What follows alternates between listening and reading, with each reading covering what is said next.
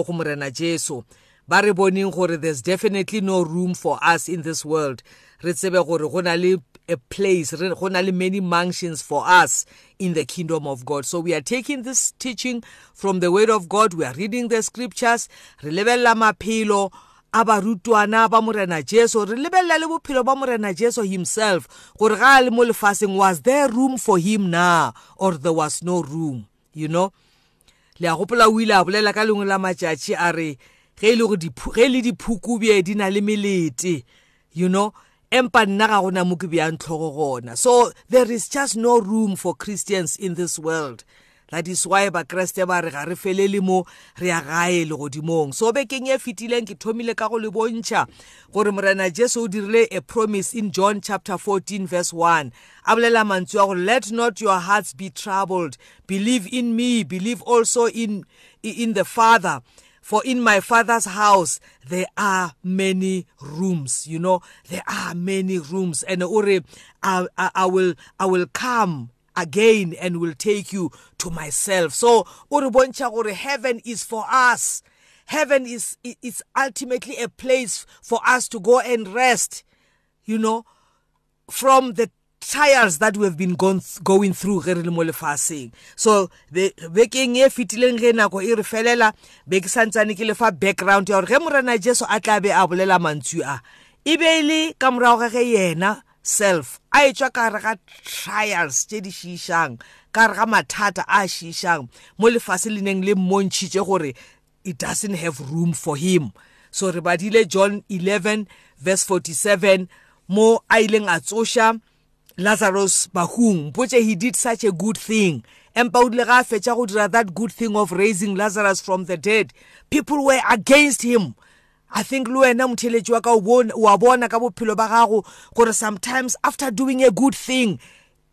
you know instead of the world applauding They come against you. They hate you even more for doing good for the Lord Jesus Christ. So, Morena Jesu will atsosha Lazarus Bahung. So instead of the world clapping for him and being grateful, lentšu la modimo le bontšha mo gore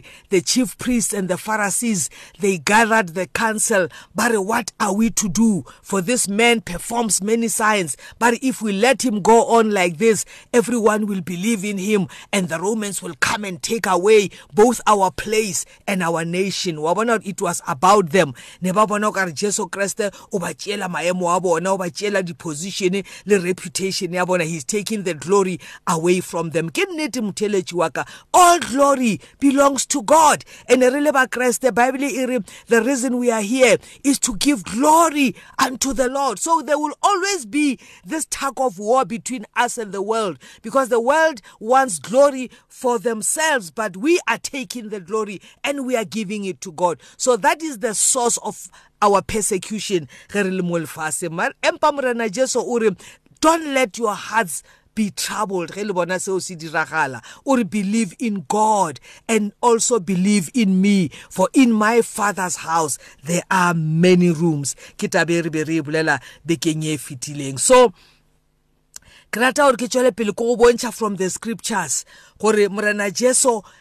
has prepared us gore understand when these things are happening mo go John chapter 16 verse 33 or i have told you these things so that in me you you may have peace so mtheletsi wa ka when we go through trials when we go through tribulations we have the peace of god because jesus christ prepared us he says in in this very verse that I've just given you, uh, uh John chapter 16, verse 33. Or in the world you will have tribulation, but take courage, for I have overcome the world. A eh, perspective. Why are we having tribulations? Why are we being challenged? Why are we being hated? Is because the world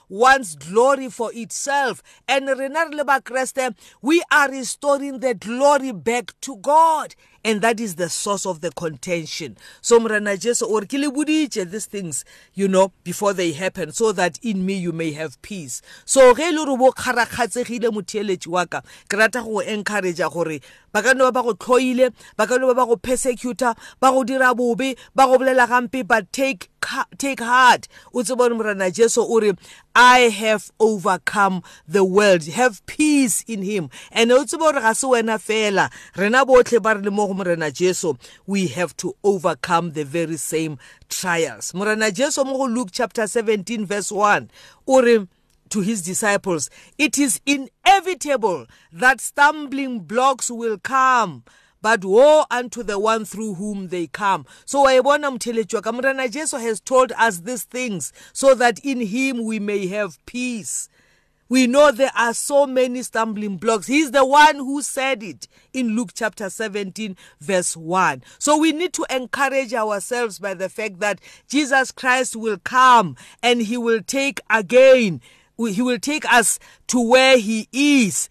You know, that is a scripture that we read in John chapter 14, Uh, I think that was verse 3.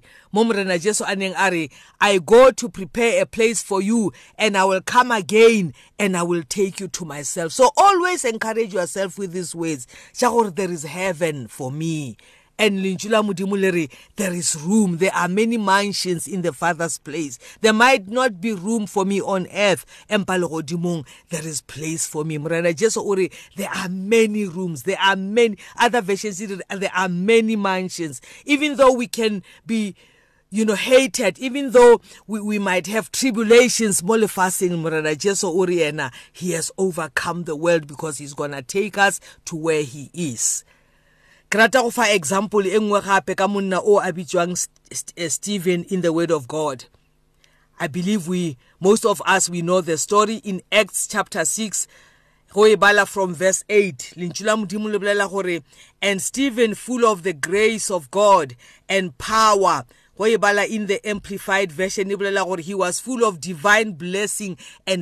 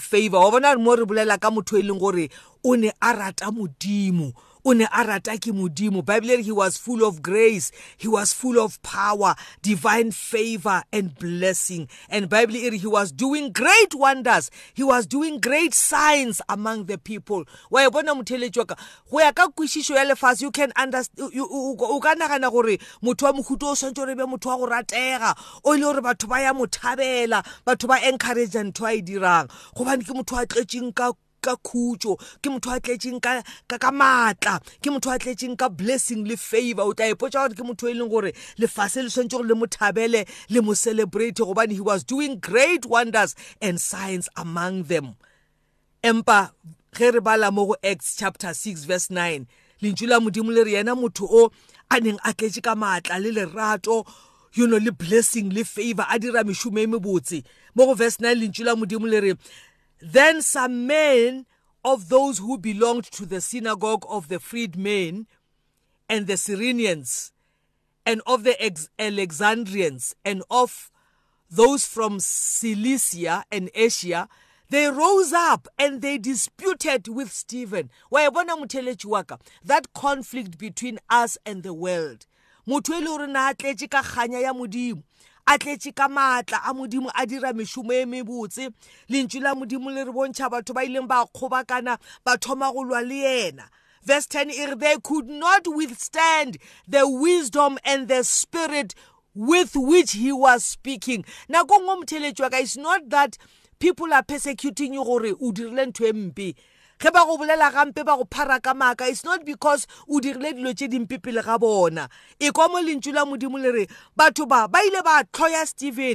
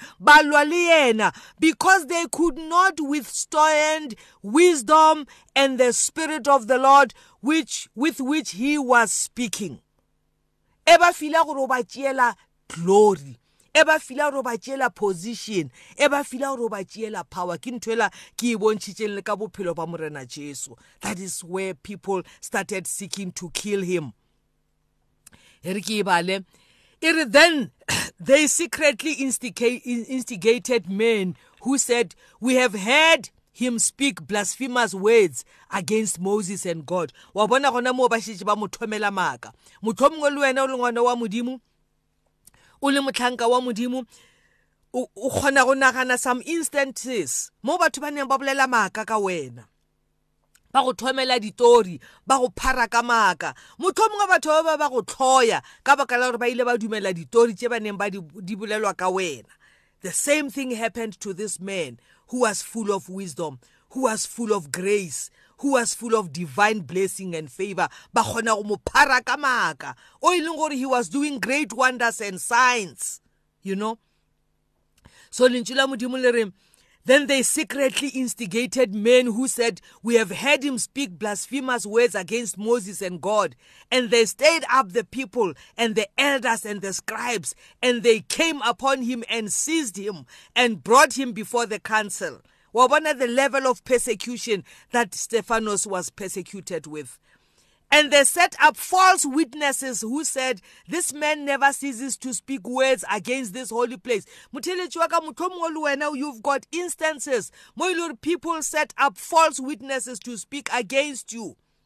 Where through persecution, where through hatred, people ill treated you based on false, you know, a testimony sa batho ba ile gore were just hired to do so to persecute you lentšu la modimo le boletše all these things you know before they could happen to us morana jesu gore i've told you these things so that in me you may have peace i am praying that the lord will give you peace even when you are going through persecutions we are still talking about the promise of heaven that is where i am going with this gore regardless of this many persecutions trials and temptations that we are going through.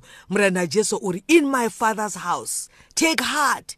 Don't let your hearts be troubled when you go through these tribulations. In my father's house there are many mansions. There are many rooms mtheletshi waka There might seem to be no room for you on this world in this world, but there is room for you in the Father's house. And we belong to the Father. Never forget that you belong to the Father and what you have